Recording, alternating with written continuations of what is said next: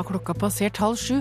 Det er mandag 20. februar, og du hører på P2s Nyhetsmorgen. Jeg heter Hege Holm. Dette er hovedsaker i nyhetene akkurat nå. Norske tenåringer fedmeopereres for sykelig overvekt. Fordi at overvekt og fedme hos barn og ungdom er et betydelig voksende problem. Og det er sånn at det er ikke alltid vi kommer i mål med det tilbudet vi har per i dag. Norske soldater fikk angst og søvnproblemer av malariamedisin, og spesielle demonstrasjoner i Moskva i helgen både for og imot statsminister Vladimir Putin.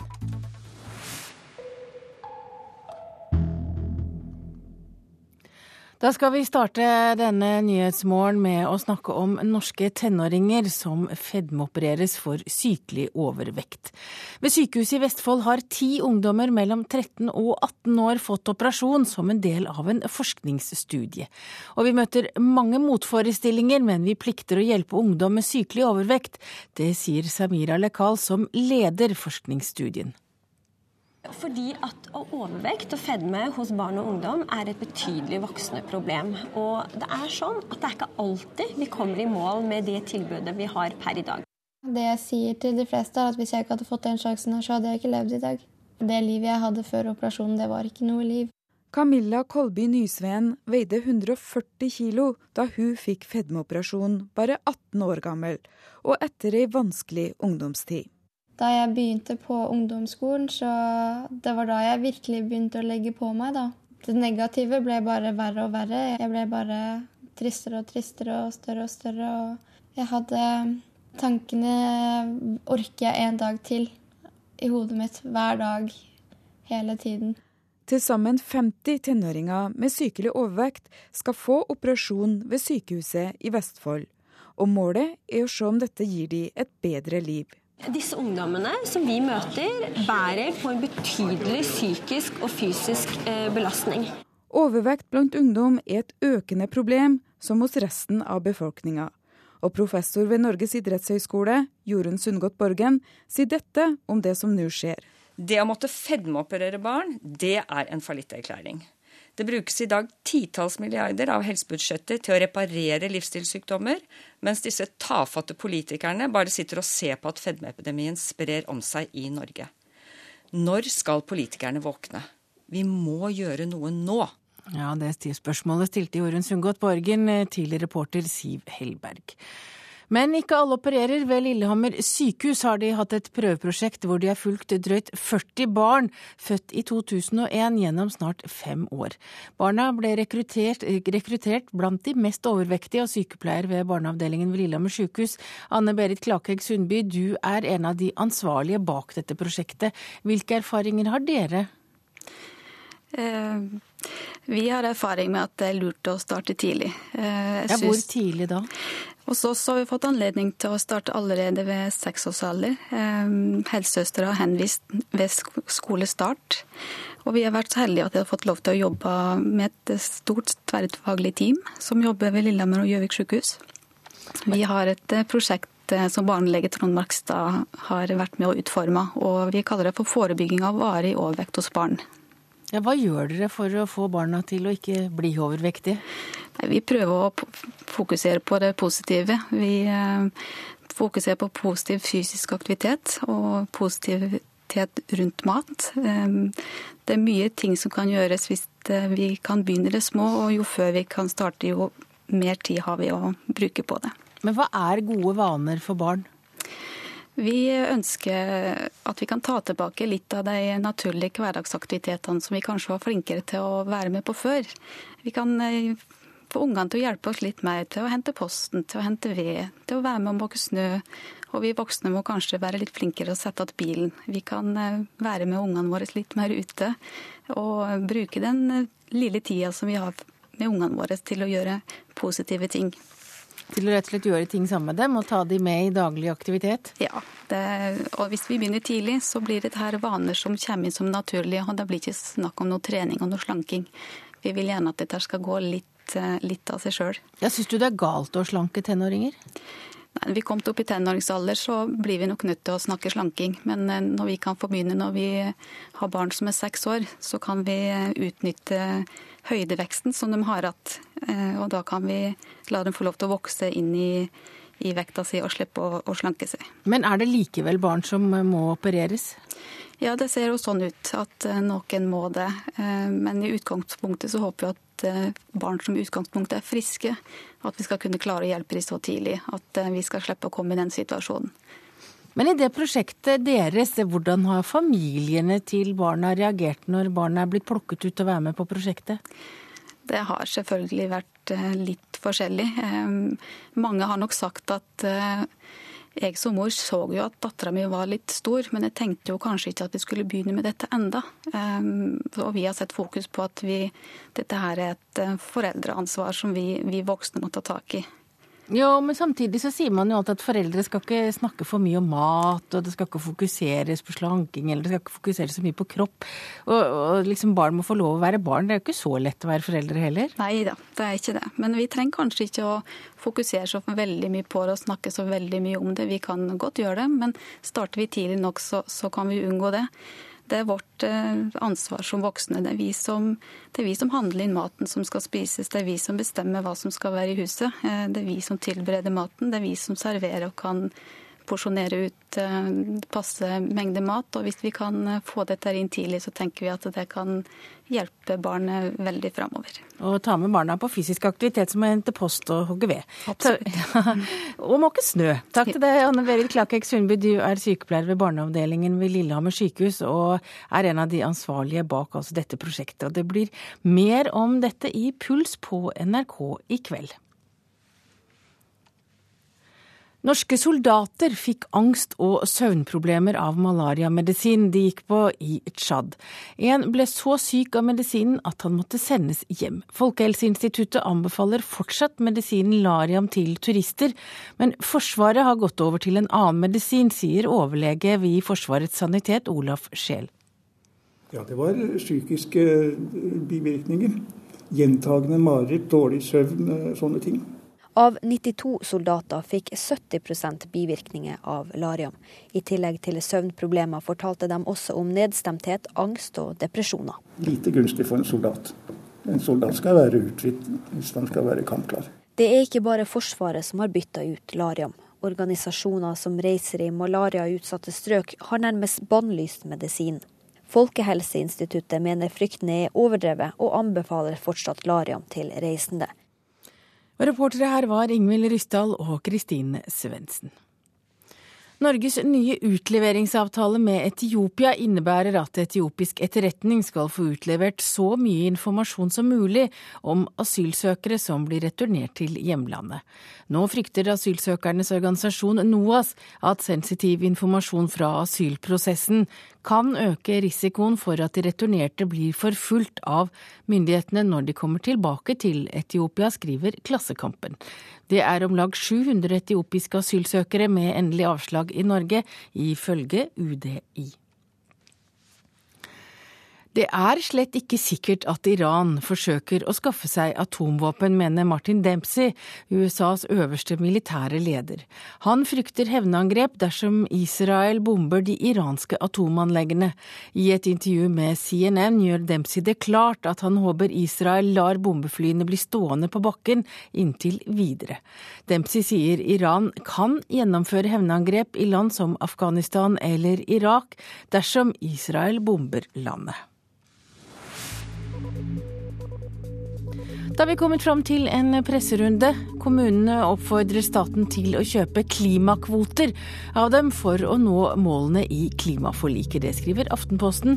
Norske kommuner mener de kan kutte fire-fem ganger mer CO2 enn tidligere antatt, skriver avisen. Aftenposten advarer også vinterferieturister mot mye nedbør og skredfare. Bergens Tidende skriver om Sjøforsvarets fem nye fregatter. Bare tre av dem klarer Sjøforsvaret å bemanne. Nå vurderer de å ansette utenlandske offiserer.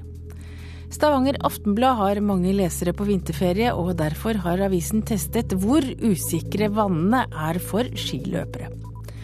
Bergensavisen skriver om brakkesyken. I deres område har 16 skoler utvidet med brakker, ikke permanente bygninger. Dagens Næringsliv forteller om jenta som fikk en 75 kilo tung markise i ryggen på en uteservering, og nå går til sak mot gårdeieren Olav Thon. VG har viet forsiden sin til politiets avhørsleder Asbjørn Raklev, som sier at Anders Behring Breivik ikke er spesielt intelligent, slik han har hevdet selv. Hvis du vil ha billigere forsikring, kan du f.eks. bygge en garasje, installere tyverialarm, elkontrollere huset ditt eller installere vannstoppventil. Innbruddsalarm i bil gir også minus på forsikringen. Nytter ikke dette, skift selskap. Det er Dagbladet som skriver dette i dag. Private barnehager tjener gode penger på å passe barn, skriver Dagsavisen. De offentlige bidrar med milliarder, og i fjor kunne eierne putte opp mot 700 millioner kroner i lomma, viser ny forskningsrapport. Nasjonen i dag skriver om maktkampene på toppen av Tine, der valgkomiteen vil vrake Tine Topp. Og barns lek med ild er trolig årsaken til at Rørvik kirke i Nord-Trøndelag ble ødelagt av brann i helgen. Dobbelt tragisk, sier ordfører til Vårt Land. I Moskva har det i helgen vært spesielle demonstrasjoner både for og imot statsminister Vladimir Putin. Tusenvis av biler har kjørt på den indre ringveien i forbindelse med presidentvalget som holdes 4. mars.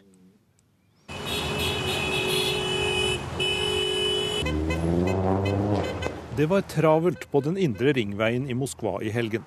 Både lørdag og søndag var det demonstrasjoner for og imot statsminister Vladimir Putin foran presidentvalget om to uker.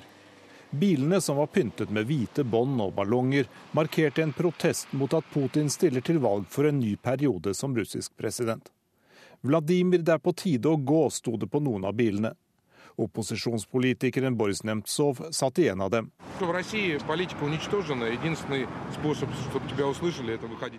I Russland har politikken blitt tilintetgjort. Den eneste måten å bli hørt på er å gå ut i gatene, sa Boris Nemtsov. Han mente at hvis Russland hadde vært et demokrati, så kunne problemer som korrupsjon, tyveri, Putin og andre ting blitt behandlet i parlamentet. Slik er det dessverre ikke, sa opposisjonspolitikeren.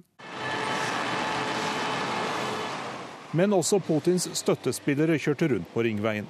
De hadde pyntet bilene med russiske flagg og bilder av statsministeren. Vi synes det er bedre å markere støtte for noe enn protest mot noe, sa en av aktivistene Maksim Perlin. Putins tilhengere startet med et par hundre biler sist helg. Denne gangen hevder de at tallet ble mangedoblet. Og det sa eh, reporter Jan Espen Kruse. Og Moskva-korrespondent Hans-Wilhelm Steinfeld, eh, vi hørte her en aktivist sa at man må ut på gatene for å bli hørt. Men hvorfor velger de å kjøre på ringveien i hovedstaden? Ja, Det er parkringen som ligger rundt sentrum det er snakk om. Og det gjør de for å synliggjøre seg selv. Særlig Putins motstandere føler seg jo veldig ekskludert fra de føderale TV-kanalene, og da blir dette en demonstrasjonsform. Hvilken side ser ut til å være sterkest? Når det gjelder bildemonstrasjonen i helgen, kan det vel være hipp som haps. De var vel omtrent like sterke. Det som er problemet, er at politiet nokså riktig rapporterer hvor mange som støtter Putin i slike bildemonstrasjoner, mens de reduserer det gjerne ti ganger når det gjelder opposisjonsmarkeringer. Hvilke protestaksjoner er ventet i tiden fram mot presidentvalget 4.3? Behøver ikke vente mange timer. Da klokken 11 norsk tid kommer sosialdemokratene til å demonstrere utenfor den største TV-kanalen i Russland, og Stanken eller Første kanal, nettopp mot det opposisjonen mener er Kremls fjernsynstyranni, med en voldsom overdekning av Putin og en veldig forfordeling av opposisjonen når det gjelder sendetid. Men har dette noe virkning?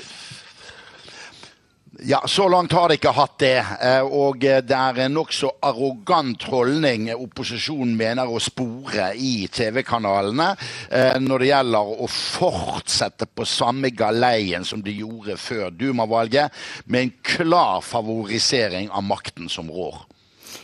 En kan jo lure på om det er noe vits i å holde valg også, når det på forhånd er så klart hvem det er som kommer til å vinne?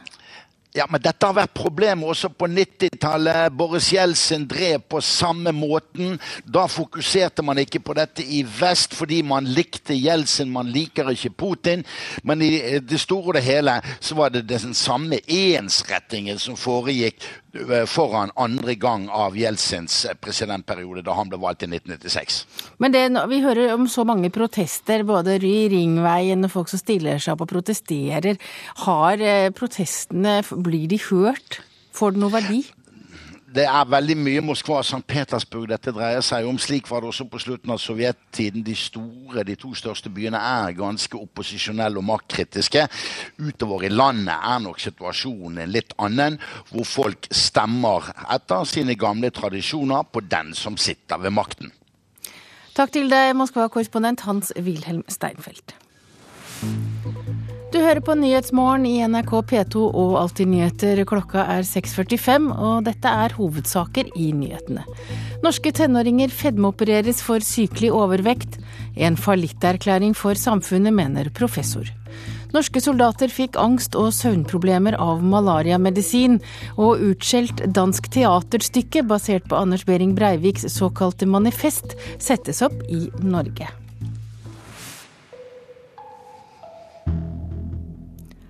Skøyteløper Håvard Bøkko må lære av junioren Sverre Lunde Pedersen for å bli bedre. I helgen skuffet Bøkko med fjerdeplass i allround-VM.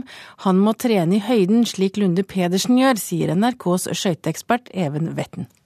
Hvis jeg skal gi han et råd nå på veien mot OL i Sotsji, så er det å begynne å komme seg opp i høyden, få et ordentlig høydetreningsregime. Det vil han ha god effekt av. Så eh, lære av juniorene også?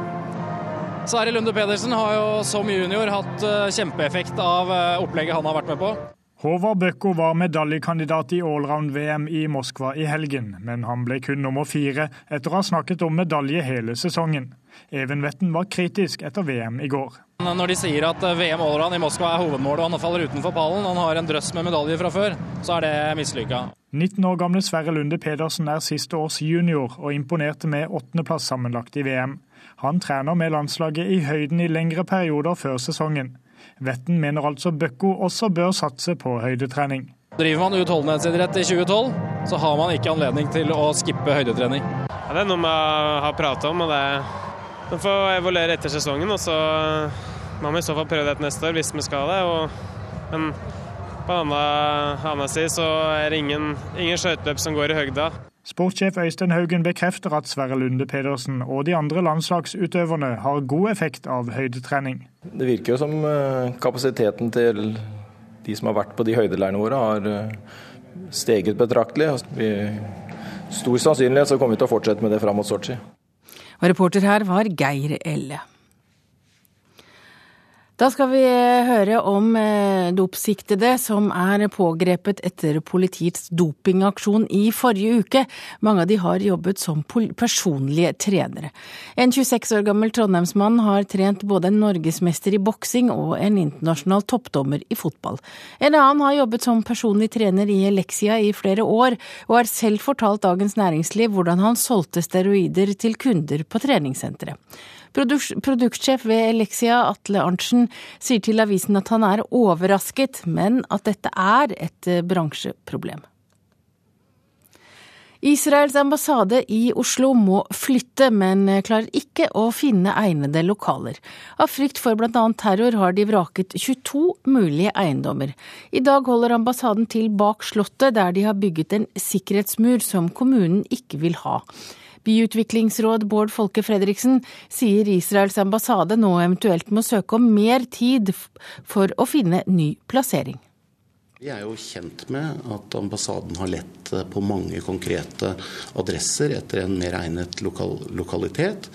Eh, og de har også forsøkt å sikkerhetsutbedre den eksisterende eiendommen innenfor gjeldende eh, regulering. Men dette har vist seg vanskeligere enn det man trodde eh, for to år siden. Vi skal holde oss i Oslo, for Oslo Taxi vil ha en mer miljøvennlig by. Nå innleder de et samarbeid med Bellona for å få en grønnere drosjenæring. Oslo Taxi har en bilpark på nærmere 1100 biler, og stadig flere drosjeeiere bytter over til miljøvennlige taxier. Jeg kjører miljøvennlig bil fra de siste to årene, så jeg er veldig fornøyd med dette. Bilen bruker veldig lite bensin, og uh, motorstøy er veldig, veldig lite. Det forteller taxisjåfør Tariq Ahmed, som eier en av flere miljøvennlige biler i Oslo Taxi. Nå tar drosjeselskapet for alvor miljøgrep og inngår samarbeid med miljøstiftelsen Bellona. Sammen skal de jobbe for mindre klimagassutslipp og forurensning i Oslo. Bellona-leder Fredrik Hauge er positiv til samarbeidet. Nei, Vi er veldig glad for å ha et samarbeid med Oslo Taxi i forhold til at vi tror at de neste årene blir veldig spennende når det gjelder samferdselssektoren. Det begynner å komme nye produkter. Eh, taxinæringen er en viktig del av transporttilbudet i Oslo. Det er en viktig del for å få også folk til å ta kollektivt. Og nå skal vi sette oss ned og se hvordan kan vi gjøre dette mest mulig smart, og hva for rammevilkår, og hva er det myndighetene må legge til rette til. Samferdselsetaten har et mål om at alle drosjer i Oslo skal være miljøbiler innen 2015. Men til nå har miljøalternativene vært for dårlige, sier konsernsjef i Oslo Taxi, Svein Erik Marø Ovesen. Han kommer dermed ikke med løfter om en 100% miljøvennlig bilpark med det første. Det er ikke slik vi vil jobbe. Vi vil være opptatt av effektivitet eh, og, og klimamessig effektivitet. Og Det betyr jo at eh, når vi nå ser at det kommer fra produsentene eh, gode biler, så, så vil dette komme av seg selv. Eh, det er jo ikke tilfeldig at vi i dag har en 75 eh, Mercedeser i vår virksomhet. Det er jo fordi at de er driftssikre. Men det er klart når det da begynner å komme alternativer som også er miljøvennlige, ja, da eh, skal vi være med på det. Han mener samarbeidet med Bellona er viktig. Jeg tror det er viktig fordi de er kompetente. De kan mye om teknologi. Eh, de kan mye om forhold til politiske myndigheter. De har mange samarbeidsavtaler med bedrifter fra før. Er vant til å jobbe forretningsmessig. Hva tenker du om at eh, Oslo Taxi skal begynne å samarbeide med Bellona, da? Jeg tror det er bra. Så vi, vi trenger miljøvennlige biler her. Ja, reporter her var Kristoffer Hovde Andersen. Det omstridte danske teaterstykket basert på Anders Behring Breiviks såkalte Manifest skal settes opp i Norge. Blant de mange filmene, bøkene og teaterstykkene som for tiden utvikles om 22. juli, er regissør Christian Lollikes monolog Manifest 2083 blant dem som har høstet aller mest kritikk for å være spekulativt. Nå skal Dramatikkens hus i Oslo jobbe fram stykket sammen med Lollike, avslører kunstnerisk leder Kai Johnsen. Vi skal bidra til å utvikle forestillingen sammen med dem. Det blir en dansk forestilling. Så skal de ha etter alt å dømme premiere i København ca. midt i oktober. Slik vi har tenkt det, er at så går de på flyet til Oslo, så å si morgenen etter premieren. Kommer inn på Dramatikkens hus, så blir det Oslo-premiere dagen etter. For en måneds tid siden vakte Lollikes prosjekt sterke reaksjoner både i Danmark og Norge, bl.a. fra leder Trond Blattmann i støttegruppen etter 22.07. Smakløst støttende. Og må vel, jeg, vil vel bruke betegnelsen idiotisk. Det problematiske er selvfølgelig at noen kommer til å glamorisere han. Og uh, også det at man gir eh, fyren det han ville ha i utgangspunktet, som var oppmerksomhet. Det sier tegneserieskaper Karstein Wolle. Hans tegneseriebok 'Bedre folk' er et av nesten 40 22. juli-relaterte prosjekter som så langt har fått støtte av Fritt Ord. I boka utforsker Volle tilhørighet og nasjonalisme, men han unngår bevisst å fokusere på Behring Breivik. Jeg syns det er veldig viktig at vi tar tak i dette her og går igjennom hva som gikk feil. Men øh, hvis det bare blir et fokus på Breivik, så tror jeg man trår litt feil. Altså, ikke, jeg syns ikke det er han som er viktig der. Hva er det som er viktig? Det som er viktig, er det ideologiske bakteppet. Det som er viktig, er den fremmedgjørelsen som gjør at man begynner å tenke på den andre som et umenneske. Kai Johnsen ved Dramatikkens hus mener de stadig flere eksemplene på vestlige personer som retter våpen mot seg selv og sine egne, må undersøkes. Og det er uhyggelig mye viktigere enn hvorvidt Behring Breivik får så eller så mye publisitet. Johnsen reagerer slik sett på den tidvis kraftige kritikken mot Christian Lullikes manifestmonolog. At de så raskt og så til dels brutalt gikk til angrep på dette prosjektet, syns jeg var ja, Jeg vil bruke ordet rysten. Jeg er villig til å garantere at dette prosjektet f.eks. på ingen måte av noen vil kunne oppfattes som at det ønsker å bidra til å spre Behring Breiviks eh, tanker. Og det sa Kai Johnsen til reporter Gjermund Jappé. I dag er det vinterferiestart for mange skolebarn her i landet, og da vil også mange bruke uka de har foran seg på å gå på ski i fjellet. Aldri før har nordmenn stått så mye på ski som nå, og blant de som like gjerne går på bortover- og nedoverski, er sju år gamle Bjørge. Jeg kan stå på ski, jeg kan ake, jeg kan stå på slalåm. Sju år gamle Børge har skidressen på og er god og rød i kinna etter vinterferien sin første langrennstur. Vi syns det er koselig, da får man seg en tur ut. Børge er ikke alene. Vi skal på hytta på fjellet, og så skal vi stå mye på ski. Du kan stå på ski og ake, og stå på skøyter og sånt. Jeg har gått på ski. Hva er det som er så gøy med å gå på ski? Det er hvor man går, da. Løypen og naturen. Og så får man en fin opplevelse. Hele 900 000 nordmenn sto på ski i fjor, og i år ligger det an til å bli enda flere, sier Thomas Berg i NHO Reiseliv.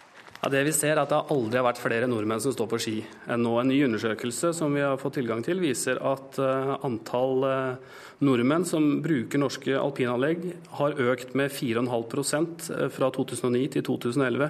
Vår klare oppfordring er at nordmenn må komme seg til fjells, benytte seg av de flotte mulighetene som ligger der, og utnytte vinteren og fjellet og alt det vakre Norge har å tilby. Flere store skianlegg i Norge opplever i år en stor økning i tall på besøkende sammenlignet med fjoråret. Det som er veldig positivt sammenlignet med fjoråret, er at det er ekstremt gode forhold i bakkene.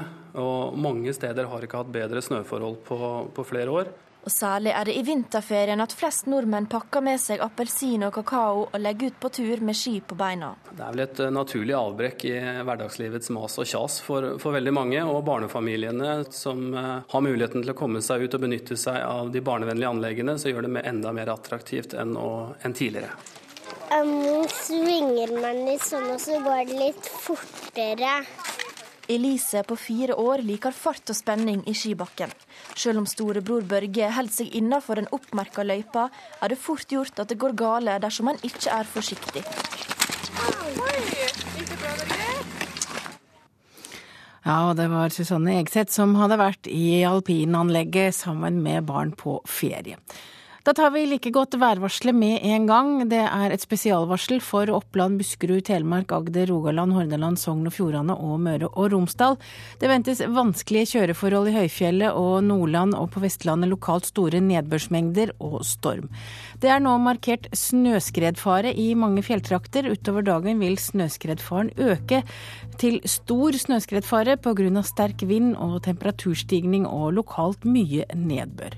Så har vi et varsel som gjelder til midnatt. Fjell i Sør-Norge sørvest sterk kuling, snø, snøfokk, senere snøbyger. Østlandet og Telemark stiv, senere sterk kuling på kysten. I ettermiddag forbigående litt sludd eller snø, regn nær kysten.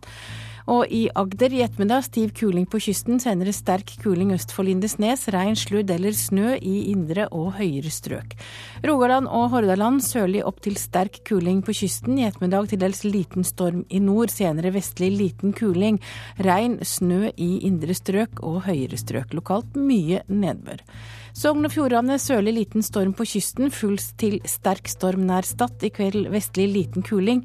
Regn, snø i indre og høyere strøk, lokalt mye nedbør.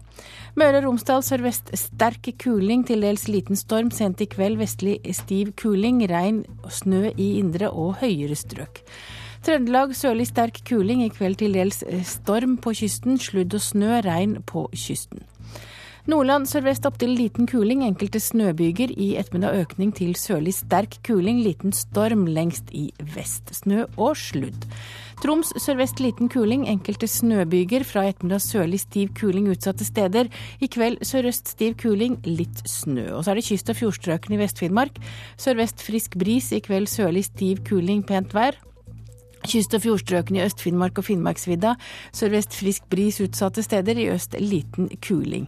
Spitsbergen østlig liten kuling, litt snø og lokal snøfokk. Så det kan vel hende at dette er dagen for den gode leseopplevelsen og peiskosen.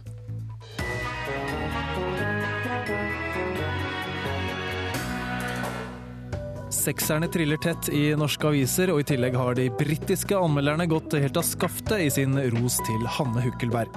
Neste uke kommer hun med plate og varmer opp for det verdenskjente amerikanerbandet Wilco. Men før det skal Hanne Hukkelberg spille live i Radioselskapet etter Dagsnytt klokka 11.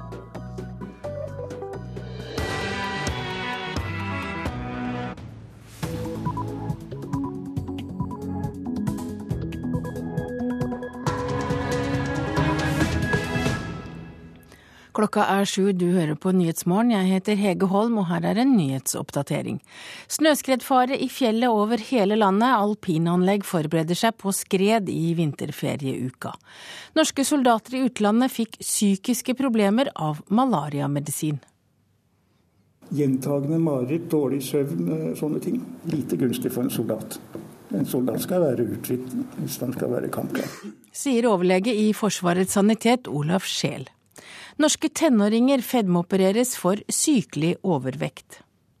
Fordi at overvekt og fedme hos barn og ungdom er et betydelig voksende problem. Og det er sånn at det er ikke alltid vi kommer i mål med det tilbudet vi har per i dag. Hvis grekerne ikke får penger, kan Hellas gå konkurs i mars. I dag skal finansministrene i EU vurdere nytt kriselån til landet. Og syriske dokumentarfilmskapere bruker utradisjonelle metoder for å dekke opprøret i landet. Vinterferieuken som mange nå går inn i, blir preget av snøskredfare i fjellet over hele landet. I går gikk det to skred på Vestlandet, og lørdag omkom to personer i et skred på middagstinden på Kvaløya utenfor Tromsø. Og Stig Tveit ved Jølster skisenter forbereder seg på at det kan gå flere skred i løpet av vinterferien. I forhold til de to siste åra så er det nok rasfaren større. og Det har nok mest med med veier å gjøre. At det er meldt såpass mye nedbør, og at det er såpass mildt som det ser ut som det blir. Jeg forventer jo at det vil gå ras i denne veka her i de områdene som, som er mest skredutsatt. skredutsett.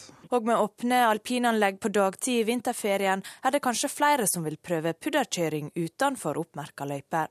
Skisentra informerer om faren, og i løypene er det tydelig merka hva områder en skal holde seg vekke fra, sier Tveit. Vi har to områder som vi egentlig har vurdert som, eh, som utsatt. Eh, disse to områdene har vi merka ut med skilt, skredfareskilt og, eh, og stikke. Og, og Der ber vi jo innstendig om folk om å holde seg unna, spesielt i, i disse dager.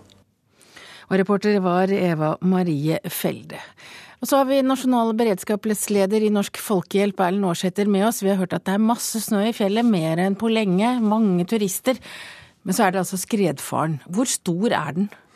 Ja, det er et spørsmål som er eh, vanskelig å svare på. Det blir nesten som å si noe om eh, kjøreforholdene i hele Norge uka som kommer. Men det, hvis jeg spør på en annen måte, da, hvor er den stor? Altså, Hva er det som gjør skredfaren stor? Ja, det vi vet er at når det kommer mye snø og det blåser, så øker skredfaren. De som er gode på vær- og værmelding, de har sagt at eh, skredfaren kommer til å være stor i mange områder i uka som kommer. Og Det er klart at det gjør at det er veldig viktig at de som skal ut, og skal ikke minst kjøre på ski, de må ha kunnskap om å vurdere skredfaren eh, selv i lokalområdet der hvor de skal ut. Er det noen synlige tegn på at det kan komme skred? Er det noe de kan se etter? Det man ofte vet at det er gode tegn på at snøen er ustabil, er at sprek, snøen sprekker opp rundt skiene dine. Hvis du ser at det har gått naturlige skred fra før, så er det tegn på at skredfaren er stor. Også hvis man hører sånn drønn i snødekket, så er det tegn på ustabile forhold. Som vi hørte fra Jølster her, der har det gått skred, de kan forvente flere. Og på Vestlandet er det jo populært å gå rett opp eh, på en fjelltopp og kjøre ned i pudder. Er det farlig? Det går ikke an å svare kategorisk ja eller nei på det spørsmålet. Men eh, det man kan si, er at man eh, er helt avhengig av å ha mye kunnskap sjøl. Eh, dessverre så ser vi at flere av de som har omkommet i skredulykker de siste åra, det har vært folk som er, har god kunnskap om skred, men allikevel har det gått galt. Så det er vanskelige vurderinger, og man må bruke tid både på å trene på å vurdere, og i tillegg trene på å gjøre redning hvis noe først skulle gå galt. Og det foregår jo mange kurs rundt omkring. altså Det finnes jo mange skolerte etter hvert på skred og skredfare. Men, men eh, hvilke forholdsregler bør folk ta før de skal ut eh, på skitur og nyte en dag? Eh, i Snø-Norge? Det vi i Norsk Folkehjelp sier til alle som i hvert fall skal kjøre på ski, det er at de må ha det nødvendige utstyret. Du må ha spade, sondestang og sende mottakerutstyr. Og I tillegg så må du trene på å bruke det. Eh, det er helt, eh, helt, avgjørende. For de fleste som går på vanlig skitur i fjellet, så er ikke snøskred noe stort problem. Man må bare holde seg unna bratte fjellsider, og særlig når skredfaren er stor. Ja, Altså ikke sette seg opp i ei bratt fjellside fordi sola står så godt på? Ja, det kan være utfordrende hvis det er bratte fjellsider å befinne seg rett under de, hvis skredfaren er veldig stor. De fleste av dødsulykkene som har vært, så er det jo skiløperne selv som har utløst skredet, og da må du befinne deg i terreng som er brattere enn 30 grader. Eh, og det er relativt bratt. Det er brattere enn det de fleste fjellskiløpere er i. Altså Du setter deg ikke i en så bratt skråning og koser deg. Men hvilken beredskap har dere i Norsk Folkehjelp i populære vintersportsområder? Norsk Folkehjelp har flere grupper som har eh, vaktstasjoner ute i fjellet, som bemannes i helgene når folk eh, er på fjellet. I tillegg så har vi noen dedikerte skredgrupper som har en eh, veldig skjerpa beredskap hele året, og som har en rask responstid. Har dere økt beredskap nå i de ukene som kommer, hvor det er vinterferieavvikling? Noen grupper øker beredskapen i forbindelse med vinterferien, og særlig hvis man ser at skredfaren går opp, så, så går man gjennom utstyr og gjør en ekstra sjekk på at alt er klart. I Tromsø, i ulykken som var nå i helga, så var Norsk Folkehjelp sin skredgruppe eh, i bilene på vei til ulykkesstedet ti minutter etter at alarmen kom. Og det er, eh, det er raskt. Men, men, det du sier er at folk bør være forsiktige, og hvis de skal gå der hvor det ikke er noen som har vært før, så bør de ha med seg ordentlig utstyr og folk som kan eh, finne, eller som er gode på å finne ut hvordan snøkvaliteten er. Alle som skal eh, i fjellet bør ha med seg godt utstyr, og det er fjellvettreglene egentlig. Men for de som skal kjøre bratt på ski, så må man ha litt ekstra, og man må ha litt mer kunnskap i tillegg. Takk til deg, nasjonal beredskapsleder i Norsk Folkehjelp, Erlend Aarsæter. Norske soldater fikk angst og søvnproblemer av malariamedisin de gikk på da de var i Tsjad. En ble så deprimert at han måtte sendes hjem. Nå gir Forsvaret en annen medisin til soldater som skal til områder der det er risiko for malariasmitte. Medisin Lariam kan gi psykose, mener Folkehelseinstituttet. Nei, men Folkehelseinstituttet anbefaler fortsatt medisinen til turister som skal reise ut i verden. Året er 2010 og Forsvaret er i Tsjad på FN-oppdrag for å hindre nye folkemord, voldtekter og krig. Norge driver et feltsykehus, og soldatene bruker Lariam for å beskytte seg mot malaria. Men svært mange soldater får psykiske bivirkninger av medisin, viser en intern rapport. Olaf Schell er overlege i Forsvarets sanitet. Ja, det var psykiske bivirkninger. Gjentagende mareritt, dårlig søvn, sånne ting. Av 92 undersøkte soldater hadde hele 70% bivirkninger. 20 soldater hadde så store problemer at de måtte bytte medisin. Resten fortalte om søvnløshet, tendenser til angst og depresjon. Lite gunstig for en soldat. En soldat skal være uthvilt hvis han skal være kampklar. Vi fikk bare beskjed om å spise tabletter. Det vi ville sjekke ut, det var at noen av oss fikk eh, eh psykose bivirkninger av dette medikamentet. Fem år tidligere hadde Forsvaret også soldater i Afrika. Stig Steinkjer dro til Sudan for FN og testa Lariam før avreise. Og Plutselig så var det bare noe så akkurat som du knipsa i handa, så plutselig forsvant uh, lyden på, på venstreøret. Bare på, på ett blink så hadde jeg mista hørselen og vanvittig øresus og en vanvittig svimmelhet. Nå er han ufør og har fått yrkesskadeerstatning. Det er slått fast at Lariam var årsaken til at han ble syk. Så jeg fikk liksom ingen informasjon. Det var bare Den informasjonen den eh, henta jeg sjøl med å lese i felleskatalogen. Og da så jeg med en gang at dette er rottegift. Men Folkehelseinstituttet anbefaler fortsatt Lariam. I anbefalingene sine skriver instituttet at bivirkningene av medisinen ofte er overdrevet. De viser til en studie der én av ti kvinner fikk reaksjoner som psykose, mens 2,5% av mennene fikk det. Bivirkningene har fått Forsvaret til å bytte medisin, sier Skjell. Så da har vi gjort en vurdering og funnet ut at fra nå er det doxycyklin som er førstevalgsmiddel. Det er ikke bare i Forsvaret Lariam har blitt bytta ut. De fleste hjelpeorganisasjonene bruker andre medisiner. Norsk Luthersk Misjonssamband advarer sine misjonærer mot Lariam, forteller leder i informasjonsavdelinga Espen Ottosen. Og det handler om at mennesker får, eh, opplever seg som paranoide. Eh, at de går inn i psykoser. Eh, jeg har selv kjørt fly med en mann som skulle hente ei kone som hadde gått fullstendig psykisk ned for telling. Så det er veldig sterke historier som jeg har hørt, og det har gjort at vi som organisasjon fraråder bruk av larium. Ja, og det sa altså Espen Ottesen eh, til reporter eh, Kristine Svendsen. Og så har vi med oss eh, deg, Kristine Mørke, for vi prøvde å få med oss Folkehelseinstituttet, men de hadde ikke anledning. Men du er med oss, og du er leder for Nasjonalt kompetansesenter for tropiske infeksjonssykdommer ved Haukeland universitetssykehus. Og du har også vært med på å skrive de faglige anbefalingene til folkehelsa. Nå hørte vi her forferdelige historier om eh, malariamedisinen Laria, men eh, hvorfor blir den anbefalt fortsatt til turister? Ja, det er sånn at eh, det er velkjent at Lariam kan gi eh, dette, disse alvorlige bivirkningene i sjeldne tilfeller. Det er kjent at det gir nevropsykologiske bivirkninger. Men eh, så er det også sånn at en har bare tre forskjellige virksomme medikamenter å velge når en skal gi malariaforebyggende medisin.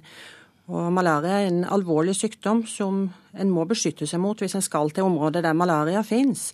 Og en må ha med Lariam i repertoaret. Men det er jo sånn at eh, når en gir råd til reisende, så gir en individuelt tilpassa råd. Og vi vil alltid spørre reisende om de, skal, om de har hatt depresjoner eller psykiske problemer før en ville velge å skrive ut Lariam. Ja, for du mener at, du, at du får det ikke, men det forsterker det hvis du har vært mye deprimert før, er det det du sier? Det kan gjøre det. Eh, det er ikke sånn at det er en vanlig bivirkning at en får psykose. Tvert imot så er det gjort store vitenskapelige undersøkelser der det er funnet, akkurat som eh, du nevnte i stad, at 70% angir eh, nevropsykologiske bivirkninger. Da er det hodepine, søvnproblemer, livlige drømmer, depresjon, uro, angst. Men det var en sammenlignende studie hvor en sammenlignet alle de tre forskjellige medikamentene en kan bruke, og alle tre gruppene oppga så mye som 70% av disse. Ingen av de tre forskjellige gruppene, altså Lariam og de to andre typene, oppga alvorlige eh, psykiatriske bivirkninger som psykose. Så det er en veldig sjelden bivirkning. Og Lariam er f.eks. det eneste valget hvis en skal eh, gi malariaforebyggende medisin til gravide som er spesielt utsatt for alvorlig malaria hvis de får malaria. Men, men, vi hører jo at Forsvaret har byttet medisin. Hvorfor, eh, hvorfor, om, eller hvorfor anbefaler dere ikke den medisinen for deg og meg også? Eh, den som Forsvaret bruker. Mm. Eh, det gjør vi av og til, men det, det, det er sånn som med, med, alle medisiner at det har eh, fordeler og ulemper, og alle medisiner har bivirkninger.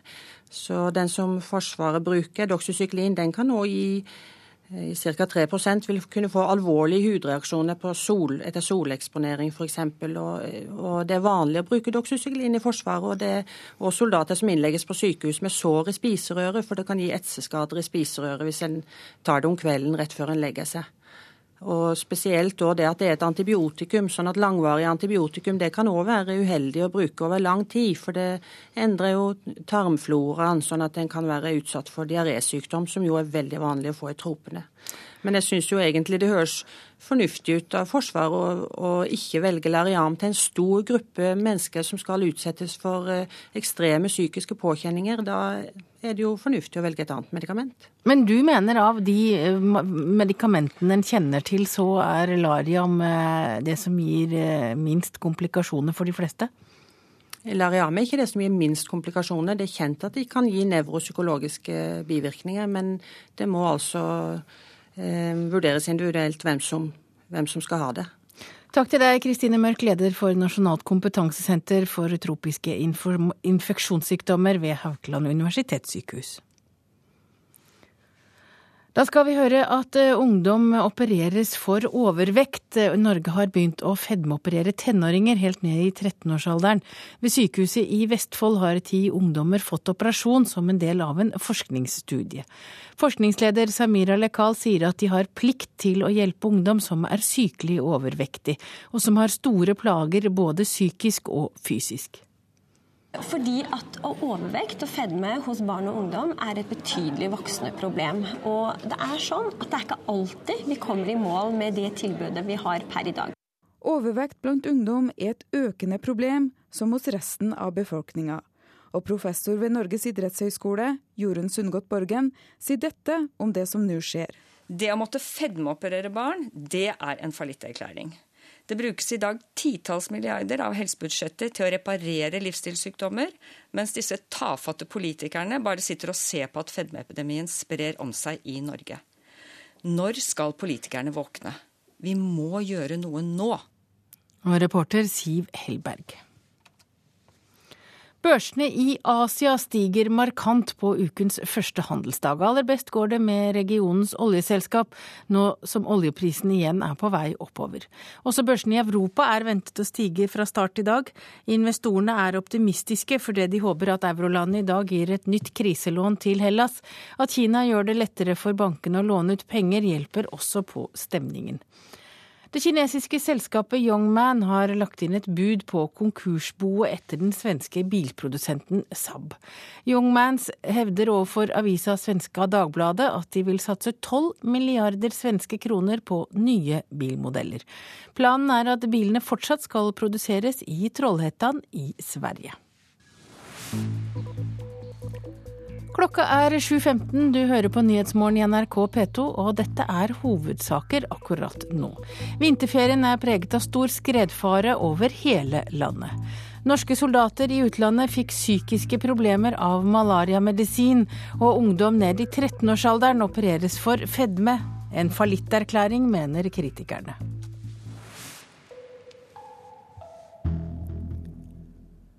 Det kommer til å bli lett å bli enige om årets lønnstillegg, det tror leder for Fellesforbundet Arve Bakke. Men han truer likevel med streik om ikke arbeidsgiverne i norsk industri gjør mer mot sosial dumping og jobber for bedre likebehandling av industriansatte i årets lønnsoppgjør. Disse spørsmålene tok vi også opp i 2010 uten å finne løsninger. Da ser jeg tydelig at det her er det ny kamp på kjente temaer.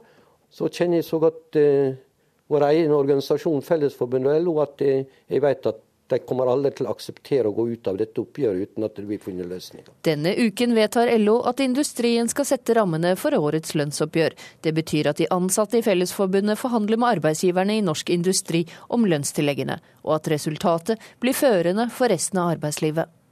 Fellesforbundet mener årets lønnsramme blir det enkleste å bli enige om, siden hele LO mener det skal bli et nøkternt oppgjør som ikke setter konkurranseutsatte arbeidsplasser i fare. Men det er mye annet å krangle om, og streik blir det hvis ikke leder Arve Bakke får innfridd et par ting. Vi har eh, en del av eh, arbeidsmarkedet som er uregulert, og der finner vi mye sosial dumping. Arbeidsgiversida har vist altfor lite interesse for å være med på og sørge for at den uorganiserte eh, delen blir mer seriøst. Så har vi den andre utfordringa. Det er at eh, i bransjer hvor det går veldig godt, bransjer som blir finansiert av eh, oljen og gassen, der er forskjellene mellom operatørene og leverandørene altfor store for samme type arbeid. Vi har gjennom flere oppgjør krevd å få utjevna disse forskjellene både når det gjelder lønnsnivå og når det gjelder arbeidstidsordninger.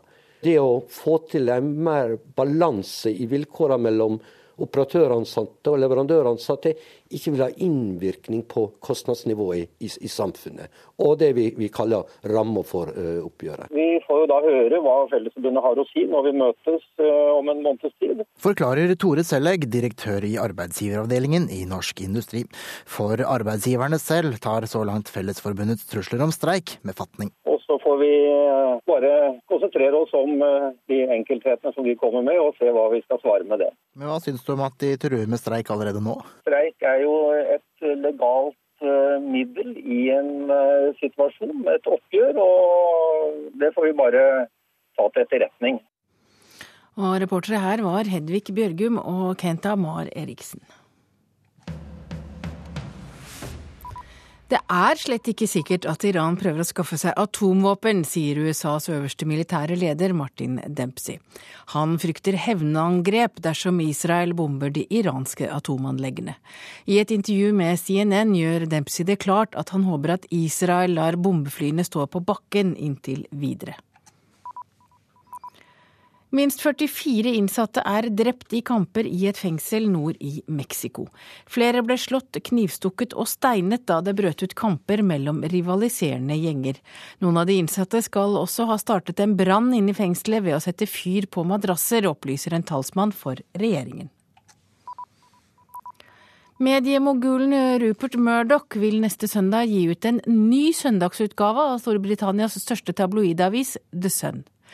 Flere sentrale medarbeidere i The Sun ble nylig pågrepet og siktet for å ha bestukket offentlige tjenestemenn i jakten på nyheter.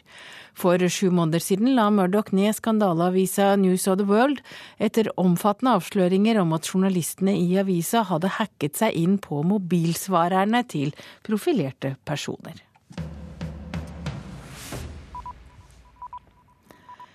I Brussel kommer finansministre fra eurolandene i dag sammen for å vurdere om Hellas skal få utbetalt et nytt kriselån på 130 milliarder euro. Hvis grekerne ikke får pengene, kan Hellas gå konkurs i mars. Og europakorrespondent Hege Moe Eriksen, eh, hvordan er sjansene? At dette er en avgjørende dag for Hellas, og man regner med at eurosonen vil gi grønt lys for en ny gigantisk redningspakke. Det betyr altså at Hellas vil få krisehjelp i form av nye lån og gjeldslette til en verdi på ca. 1000 milliarder kroner. Og dermed vil da Hellas unngå konkurs nok en gang. Men man må si at resultatet er ikke gitt. Det er fortsatt en risiko for at avtalen kan kollapse. Det er å merke seg at et voksende antall stemmer i EU nå tar til orde for at eurosonen vil ha det bedre uten Hellas, og at Hellas dermed burde gå konkurs. Og ikke minst er det mange som understreker nå at Europa er mye mer forberedt enn i fjor på en gresk konkurs, og at man således eh, ikke har så mye å tape dersom Hellas ryker utfor. Så det blir et spennende møte i kveld. Ja, Vi hørte jo nettopp at asiatiske børser tror de kommer til å få det nye kriselånet. Derfor går aksjene oppover. Men hvilke betingelser eh, må grekerne oppfylle for å få det nye kriselånet? Ja, dette er beintøffe betingelser som knapt noe land har vært igjennom før. Hellas eh, må gjennom en sparepakke til en verdi av 3,3 eh, milliarder euro, som bl.a. innebærer kutt i minstelønn på 22% kutt i pensjon, kutt i helseutgifter. Og mange mener jo at disse kuttene rett og slett er umulige å gjennomføre. Og tilliten til at Hellas skal klare det, er så godt som borte i eurosonen. Derfor så krever eurosonen nå både politiske garantier og kontroll med budsjettet for å sikre at disse kuttene blir gjennomført, også etter valget som skal holdes i eh, Hellas i april. I går var det store demonstrasjoner i Aten mot eh, kuttene, eller mot tiltakene de ble bedt om å gjennomføre. Er det mulig for grekerne å klare enda flere kutt? Ja, det spesielle med Hellas er at de har vært gjennom to år med kutt, og nå skal de gjennom en ny runde. Og Jeg var i Aten i forrige uke og snakket med anerkjente greske økonomer som mente at disse kuttene er helt urealistiske. Gresk økonomi har krympet med 7% i siste kvartal i fjor. Samtidig så, så man at arbeidsledigheten bykset opp til 21% og vokste altså med 7,4% i løpet av ett og samme år. Og det er eh, omtrent ny rekord på verden verdensbasis. I tillegg så ser man at nær en tredel av grekere lever under fattigdomsgrensa, slik at det er et samfunn som er på randen av oppløsning. Og mange mener at disse kuttene er ren galskap og bare vil føre til at Hellas dyttes dypere ned i fattigdom. Det er jo parlamentsvalg i april. Kan krisen få store følger for gresk politikk? Absolutt. Og krisen har jo allerede snudd uh, gresk politikk på hodet ved at uh, regjeringen ble felt og måtte gå, og vi da fikk en teknokratledet regjering som Papademos nå leder. I april så er det altså valg. Det konservative partiet Ny Demokrati er uh, foreløpig antatt å vinne. Men vi ser også at småpartier eh, både langt ut på høyre og også venstre fløy nå styrker seg, slik at det blir et veldig spennende valg i Hellas i april. Takk til deg, europakorrespondent Hege Mo Eriksen. Da har vi kommet fram til en presserunde. Kommunene oppfordrer staten til å kjøpe klimakvoter av dem for å nå målene i klimaforliket. Det skriver Aftenposten i dag. Norske kommuner mener de kan kutte fire-fem ganger mer CO2 enn tidligere antatt. Aftenposten advarer også vinterferieturister mot mye nedbør og skredfare. Bergens Tiden skriver om Sjøforsvarets fem nye fregatter. Bare tre av fregattene klarer Sjøforsvaret å bemanne. Nå vurderer de å ansette utenlandske offiserer. Stavanger Aftenblad har mange lesere på vinterferie, og har derfor testet hvor usikre vannene er for skiløpere. Bergensavisen skriver om brakkesyken. I deres område har 16 skoler utvidet med brakker, ingen permanente, men ikke med permanente bygninger. Dagens Næringsliv forteller om jenta som fikk en 75 kilo tung markise i ryggen på en uteservering, og nå går til sak mot gårdeier Olav Thon. VG har viet forsiden sin til politiets avhørsleder Asbjørn Raklev. Han sier at Anders Behring Breivik ikke er spesielt intelligent, slik Behring Breivik har hevdet selv. Hvis du vil ha billigere forsikring, kan du f.eks. bygge garasje, installere tyverialarm, elkontrollere huset ditt eller installere vannstoppventil. Og nytter ikke det, så kan du skifte selskap, skriver Dagbladet i dag. Private barnehager tjener gode penger på å passe barn, skriver Dagsavisen. De offentlige bidrar med milliarder, og i fjor kunne private eiere putte opp mot 700 millioner kroner i lomma, viser en ny forskningsrapport. Klassekampen skriver om returavtale Norge har inngått med etiopiske myndigheter. Norge gir etterretningen i, etterretningen i Etiopia så mye informasjon som mulig om personene som returneres. Nasjonen skriver om maktkampene på toppen av Tine, der valgkomiteen nå vil vrake allerede Tine-topp. Og barns lek med ild er trolig årsaken til at Rørvik kirke i Nord-Trøndelag ble ødelagt av barn i helgen. Dobbelt tragisk, sier ordfører til Vårt Land. Syriske dokumentarfilmskapere bruker nå utradisjonelle metoder for å dokumentere opprøret i landet. NRK møtte en eksilsyrer som sitter i Libanon og regisserer dokumentar om revolusjonen i nabolandet gjennom nettprogrammet Skype. Mange ville hilse på den syriske dokumentarfilmskaperen Mohammed Ali Atassi da vi traff ham under filmfestivalen i Berlin som ble avsluttet i helgen. Festivalen viste ikke en eneste dokumentar fra landet hvor filmskapere risikerer livet sitt om de forsøker å dokumentere det politiske opprøret. Men nå går syriske aktivister og filmskapere nye veier for å fortelle verden hva som skjer, forteller Atassi. Since the beginning of the uprising, I was not allowed to go back again to Syria. It's very risky for me, but I, at the same time, I want to continue my work. And the idea is come to use the same uh, communication method that the activists are using. Then I used some friend jeg bruker nettprogrammet Skype som kameralinse inne i Syria ved hjelp av en anonym syrisk filmskaper, sier Atassi, som regisserer filmen sin fra Beirut. Den tidligere politiske journalisten måtte rømme fra Syria for flere år siden etter at han laget en regimekritisk dokumentar. Atassi forteller at både politiske aktivister og de få profesjonelle filmskaperne som finnes i landet, lager kollektive dokumentarer som de sender anonymt til utenlandske TV-kanaler.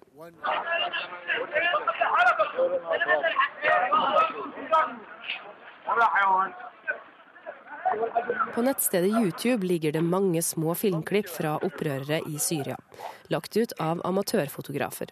Men det finnes ennå ikke noen god dokumentarfilm om det som skjer i landet, for det er vanskelig å lage. Det finnes ingen syrisk filmindustri og svært få profesjonelle dokumentarfilmskapere, sier den syriske filmviteren Ala Karkouti, som også er på filmfestival i Berlin. It's, it's, uh, everyone uh, making a film with his name, he never go back to Syria. And still there is no real documentaries about revolution. It's more patriotic films. It's not like Egypt, not like Tunisia, where the, it was endless footage and there's a large number of filmmakers. In Syria it's different. Vi får ikke se massive mengder med film fra opptøyer slik vi gjorde i Egypt. Få i Syria har denne medieerfaringen, men det er viktig at vestlige medier viser amatørvideoene selv om de ikke vet hvem som har laget de, mener han. Clear, clear dictatorship. So it's, it's about now that there's a regime he wants to kill the country, regardless if the videos is really uh, real or not. Og reporter var Eirin Venås Sivertsen. Den neste halvtimen her i Nyhetsmorgen får du Dagsnytt. Etter Dagsnytt skal vi høre at eh, i USA fosser Rick fram på meningsmålingene foran det neste republikanske nominasjonsvalget i Michigan. Og etter at vi har vært i USA, skal vi til Politisk kvarter, og der skal det i dag handle om Kristelig Folkeparti. Produsent for Nyhetsmorgen er Ulf Tannes Fjell. Jeg heter Hege Holm. Og har du tips eller kommentarer, ris eller ros, send oss det gjerne på nyhetsmorgen krøllalfa nrk.no. Hør ekko. Hvis noen tar fra deg det kjæreste du har, dreper barnet ditt, vil du tenke på hevn da? Vi har spurt mammaen som mistet datteren sin, og psykologen som forsøker å hjelpe dem som føler hat. Ekko 9 11 i NRK P2.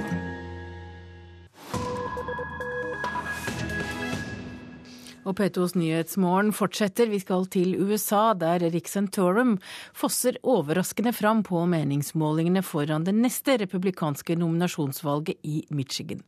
Alt tyder på at kampen nå kommer til å stå mellom Santorum og Mitt Romney, som fortsatt er favoritt. We're excited to introduce the next president of the United States, Mitt Romney.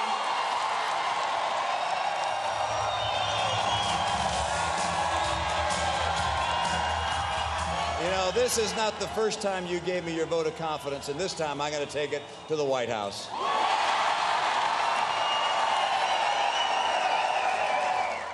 Takk for tilliten. Denne gangen kom jeg inn i Det hvite hus, sier Mitt Romney fra talerstolen etter seieren i Nevada.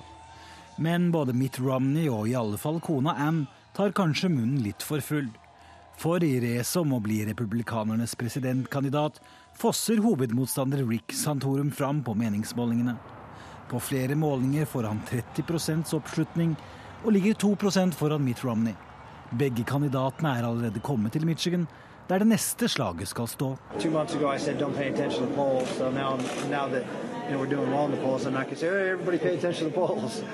For to måneder siden sa jeg at man ikke skulle bry seg om meningsmålinger. Men nå som det går bra, kan jeg be folk følge med, sier Rick Santorum. Han gjør det overraskende bra, med tanke på at motstander Romney er født i Michigan. Romneys far var til og med guvernør her, noe sønnen vet å utnytte i TV-reklamen. It was exciting to be here. I remember going to the Detroit Auto Show with my dad. That was a big deal. I want to make Michigan stronger and better. Michigan's been my home, and this is personal. I'm Mitt Romney, and I approve this message. I reklamen kjører Romney rundt i sitt gamle nabolag, og folk får se et svart-hvitt bilde av lille Romney i førersetet på et gammelt dollarglis. Slik skal gå hjem i bilbyen Detroit. Problemet er bare at han ikke ville være med på en hjelpepakke for bilindustrien som ble så hardt rammet under finanskrisen. En av de som ennå ikke har glemt det, er Jennifer Granholm, tidligere guvernør. Sorry, Mitt. Your pandering betrayal is not a forgivable sin. And if you lose in Michigan, this is going to be the reason why. Romneys motstandere kan derfor koste på seg en ironisk reklame som viser Mitt Romney med maskingevær gå løs på sine motstandere, helt til det slår tilbake på ham selv. This time Romney's firing his mud at Rick Santorum. And in the end, Mitt Romney's ugly attacks are going to backfire. Kanskje det er forklaringen på at han ikke kan være så sikker på at han vinner i Michigan, staten han tok mot John McCain i forrige runde. One is I think there is there is genuine kind of distrust about whether Romney is truly conservative, whether they really believe. Dan Boltz er analytiker i Washington Post. Han peker på at Santorum appellerer til de som ønsker en mer konservativ kandidat enn Romney. Andre legger vekt på at han også får støtte av Tea Party-bevegelsens folk, men også at de evangelisk kristne velgerne velger ham framfor Romney. So far.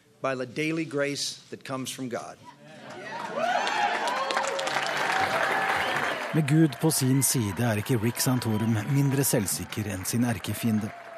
Fra 1995 til 2007 var han senator for Pennsylvania, men etter å ha tapt sete i Senatet arbeidet han som advokat. Han har i tillegg vært tilknyttet en kristen-konservativ tankesmie. Også Fox News har hatt glede av ham som kommentator. Og han har markert seg som abortmotstander. What wins are bold ideas and a plan that includes everyone. A plan that says we will work together to get America to work. Og reporter her var Øyvind Nyborg. Valget i Michigan er 29. februar. Klokka er 7.44, du hører på Nyhetsmorgen i NRK P2, og dette er hovedsaker akkurat nå. Tenåringer fedmeopereres for sykelig overvekt. En fallitterklæring for samfunnet, mener professor. Norske soldater fikk angst og søvnproblemer av malariamedisin. Og finansministrene i EU skal vurdere nytt kriselån til Hellas i dag. Hvis ikke grekerne får pengene, kan de gå konkurs i mars. Og Bjørn Myklebust, eh, i Politisk kvarter skal du snakke om to ting som er delt. Oslo og Kristelig Folkeparti. Og det kan bli vanskelig å samle både Oslo og Kristelig Folkeparti.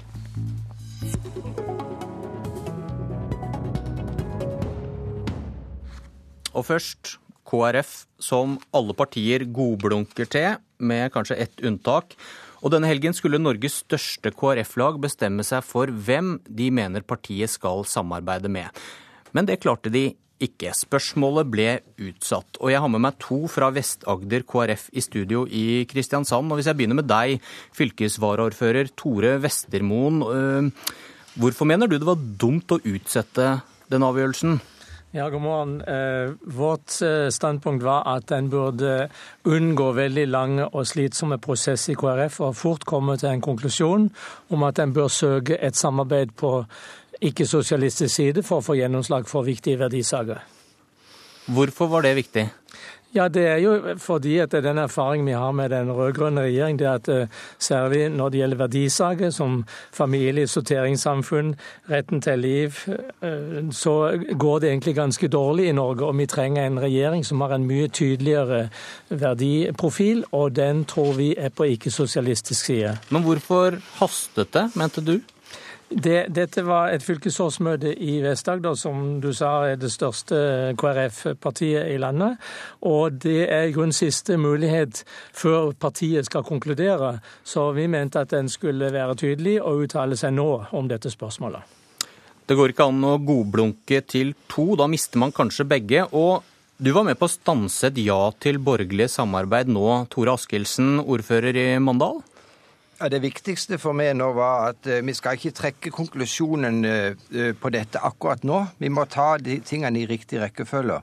Nå gjelder det først å finne fram til de politiske sakene som er viktige for oss. Og basert på hvilke politiske saker som vi definerer som de viktigste, må vi finne hvem vi kan samarbeide med for å få best mulig gjennomslag for dette. Så er jeg er ikke nødvendigvis uenig i det som Tor Vestermoen snakker om kanskje blir konklusjonen. Men vi blir nødt til å ta disse i rett rekkefølge og ikke forhaste oss her. Da vil vi gjøre oss sjøl en bjørnetjeneste. Hva kan, hva kan KrF lære av din kommune, Mandal? Ja, det er først og fremst det å snakke med de aktuelle samarbeidspartnerne og finne ut hvor står vi, og hvilke muligheter har vi for å få gjennomslag for våre saker i forhold til den høyresida eller den venstresida i det politiske landskapet. Og ta det på alvor og virkelig gå inn i de diskusjonene som vi har muligheter til. Det ble sagt noe på lørdag om at dere i Mandal får det beste ut av Arbeiderpartiet? Det har jo litt med vår egen posisjon å gjøre, det at vi fikk ordførersposisjon i denne sammenhengen, og det at eh, Arbeiderpartiet gikk ut og sa at de kristne verdiene som ligger til grunn for vårt arbeid, de skal de ikke utfordre på noen måte i dette samarbeidet. Og Da ser vi at da får vi veldig mye felles med Arbeiderpartiet knytta til det som har med det lokalpolitiske arbeidet å gjøre. Tror ikke du på det gode i Arbeiderpartiet, Vestermoen? Jo, jeg gjør i grunnen det, og jeg har jo egentlig god erfaring med et samarbeid med Arbeiderpartiet lokalt. Men det det handler om nå, det er hvem vi skal et tilfelle regjere sammen med, eller hvilken regjering vi skal støtte. Og regjeringen er de som gir lover, eller foreslår lover og forskrifter. Og det er liksom en helt annen problematikk enn et samarbeid på det lokale plan. I kommunene er det sånn at en får finne samarbeid med de som det er naturlig å samarbeide med etter et valgresultat. Hva tenker du om det, Askildsen? Ja, Det er jeg helt enig i. For lokalt så styrer vi best mulig innenfor de rammene og føringene som Stortinget gir. Og det er Stortinget som gir de føringene føringene, og derfor blir stortingsvalget mye viktigere med tanke på hvilket politisk parti vi samarbeider med. Men vi må ta ting i rett rekkefølge og ikke torpedere den prosessen som landsstyret har lagt opp til, slik at vi da trekker en konklusjon før vi har funnet fram til de viktigste sakene, og hva som skal synliggjøre KrF i tida framover. For der trenger vi å gjøre en skikkelig jobb, så vi finner gode enkeltsaker som er enkle å kommunisere, og som er vanskelig for andre å skyte ned. Mener dere Vest-Agder er et godt uttrykk for at KrF er et parti som syns dette valget er skikkelig vanskelig? Det, det, tror jeg faktisk at uh, Vi gjorde oss noen erfaring ved siste stortingsvalg hvor vi trakk konklusjonen for seint. Og nå er det fare for at vi kan trekke den for tidlig. Og nå må vi bare roe oss ned, tenke gjennom dette og definere veien framover sjøl, og ikke la andre styre hvordan vi skal forholde oss til utfordringene framover. Men må partiet på en eller annen måte leve med to syn på samarbeid, som det kan synes som om dere også er? Ja, Det er klart at eh, det er jo ingen konstellasjon som gir eh, gjennomslag for hele KrFs program. Så det vi nå snakker om, det er hvilke saker er det som er spesielt viktig for KrF, og hvor kan vi, eh, tror vi vi kan få mest mulig gjennomslag for dette. Og Da er det noen av oss som tenker at det er på ikke-sosialistisk side at vi bør søke et sånt samarbeid. Og den erfaringen vi har fra stortingsvalget i 2009, den var at en satt altfor lenge på gjerdet, og våre velgere var forvirra i forhold til regjeringsalternativet. Og det vi har sett i, særlig i Kristiansand, det er at det var veldig gunstig for kommunevalget i 2011 og si tidlig at en ville søke et samarbeid med høyrepartiene. Ja. Men tror, tror dere det kan bli vanskelig da å samle seg bak det valget som blir tatt i partiet en, en, gang til høsten? Det tror jeg ikke. Jeg tror vi har egentlig en ganske god erfaring for at uh, vi klarer å samle oss. Og nå er det en veldig solid enighet i hele partiet om at en trenger en ny regjering. Så er det bare hvilket gjennomslag en kan få med den ene. Men, men, men da legger man vel lokk på noe, om det er dem som da står i, i Lilletuns sko, eller dem som vil samarbeide med Siv Jensen? Jeg tror det er viktig her at vi erkjenner at vi er et sentrumsparti, og så tar den, det på alvor og ser at da kan vi egentlig samarbeide til begge sider. Eh, og så får vi ta den prosessen som vi trenger framover. Og får vi en god prosess med valg av de politiske sakene her, så tror jeg faktisk vi får et samla parti bak dette. Forhaster vi oss nå, så kan vi oppleve oss å få et splitta parti i prosessen videre framover. Og det er ingen av oss tjent med. Takk til Tore Vestermoen og Tore Askildsen i Kristiansand. Vi skal til en annen by.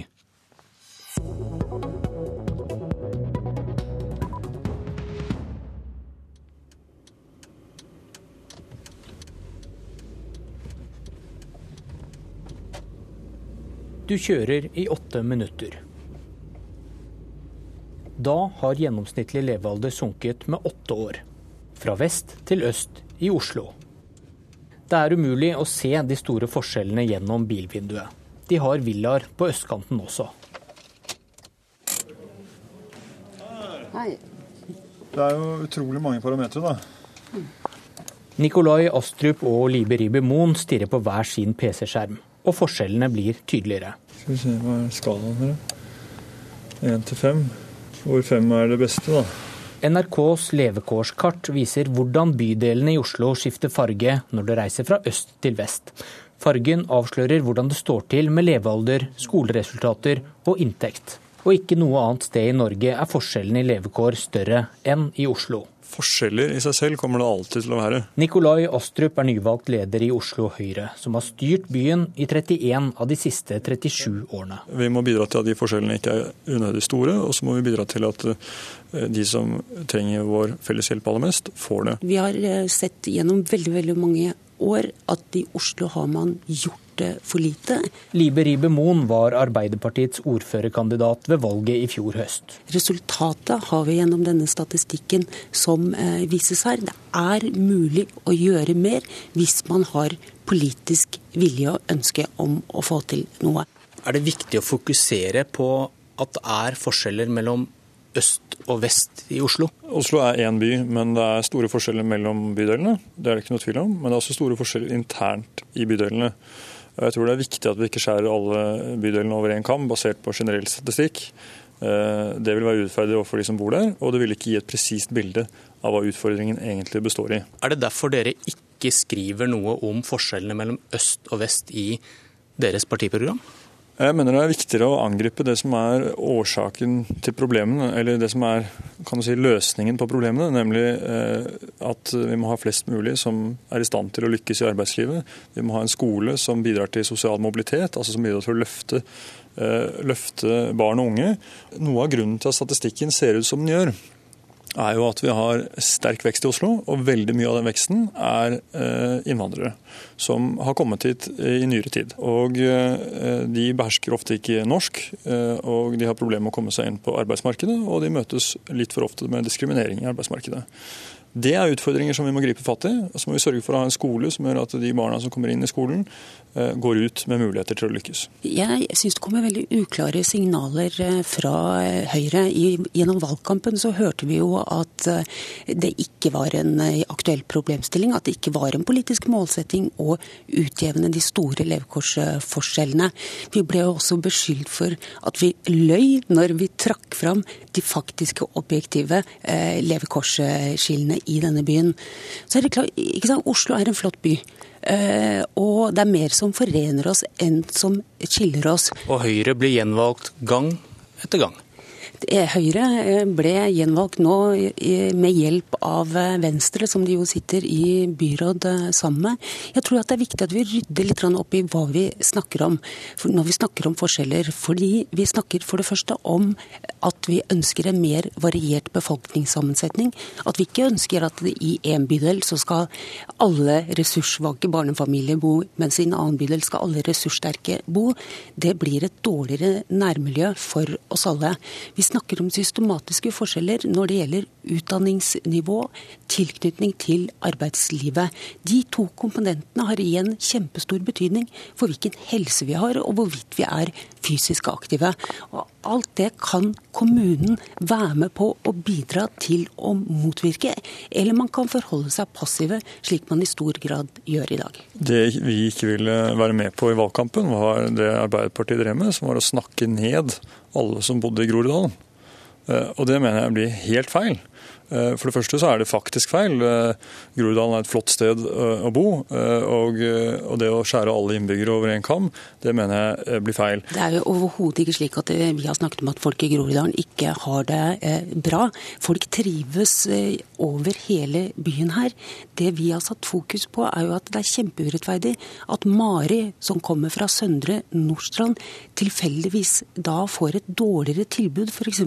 innenfor barnevernet, bare fordi hun bor bor i den bydelen. Sånn kan vi ikke ha det i Oslo. Men det er jo ikke riktig at uh, man får et dårligere tilbud på Søndre Nordstrand enn man gjør andre deler av byen. Uh, tvert imot så setter vi jo inn ekstra ressurser uh, nettopp i de bydelene der vi vet at vi har utfordringer, bl.a. med å utjevne levekårsforskjeller. Skal vi se, Nå må vi klikke på et eller annet for å få det opp. da. Skal vi se, Hva var det jeg fant? Det? Levealder. Forventet levealder. Ikke sant. Um, fra 73 til, til nesten 82. Det er ganske stor forskjell. Det er det, altså. Hva gjør man med forskjellen i levealder mellom bydelene i Oslo? Man kan gjøre veldig mange forskjellige ting. Jeg tror vi må starte tidlig. Sørge for at unger er fysisk aktive. Ha en skolehelsetjeneste eh, som eh, fungerer. Vi må sørge for å ha en oppvekstpolitikk som gir alle unge gode muligheter. Vi må ikke minst sørge for en skole som eh, gir god kvalitet og godt tilbud til alle unger i denne byen her. Jeg tror veldig mye dreier seg om, opplysning, dreier seg om opplysningsarbeid. Eh, det er jo sånn at eh, levealder er veldig nært koblet til livsstil. Eh, måten vi lever våre liv på. Det kan være koblet til kosthold. Det kan være koblet til aktivitet. Så jeg tror det er viktig at vi, som i og for seg Libe er inne på, at vi driver et aktivt opplysningsarbeid fra skolealder. Og, og følger opp som best vi kan. Eh, og så er det selvfølgelig slik at eh, hver og en av oss også må ta ansvar for hvordan vi lever våre liv. Du, hvis, du, hvis, du, klikker deg inn på det som heter valgresultat der nederst Høyre er store i størst i vest, Arbeiderpartiet i øst. Men Høyre gjør det godt over hele byen. Og det mener jeg er en refleksjon av at eh, folk er fornøyd med vår politikk. Eh, og at vi har fått til resultater over hele byen. Folk ser at kollektivtransporten er bedre, folk ser at skolen er bedre. Eh, folk ser at vi setter inn ressursene der de trengs mest. Lager man politikk ut fra hvor velgerne sine bor? Man lager politikk ut fra hva man mener er riktig for byen, først og fremst. Men er det et like stort insentiv for Arbeiderpartiet å satse på idrettsanlegg på Oslo vest, når man ser hvor dere velger hen? Idrettsanlegg bør vi ha over hele byen. Og vi gikk jo til valg på en samla by, nettopp fordi vi ønsket at de ulike delene av Oslo skulle bli bedre integrert i hverandre, og at man skulle ha en like god oppvekst uansett om man bodde på Ullern eller på Søndre Nordstrand. Og hvis du ikke har gjort det, gå inn på nrk.no og test vårt interaktive levekårskart over Oslo. Politisk kvarter i dag var ved Bjørn Myklebust. Nå har Hege Holm kommet tilbake. Nyhetsmorgen fortsetter etter egenreklamen. Jeg vet nesten ikke om jeg tør å si det, men nå har jeg faktisk passert 6500. Nei, altså jeg har selvfølgelig ikke lest alle fra perm til perm, men da hadde jeg ikke rekket noe annet. Eh, men det er klart at jeg har jo ikke kjøpt alle for å ha dem på til pynt. Jeg har hatt stor glede av å både lese dem og bruke dem og, og hygge meg med dem. Vi fortærer kokebøker som aldri før, og kokebøker topper salgslistene. Men hva slags historier er det den moderne kokeboken serverer oss? Bordet er dekket i Kulturhuset i dag klokken 14.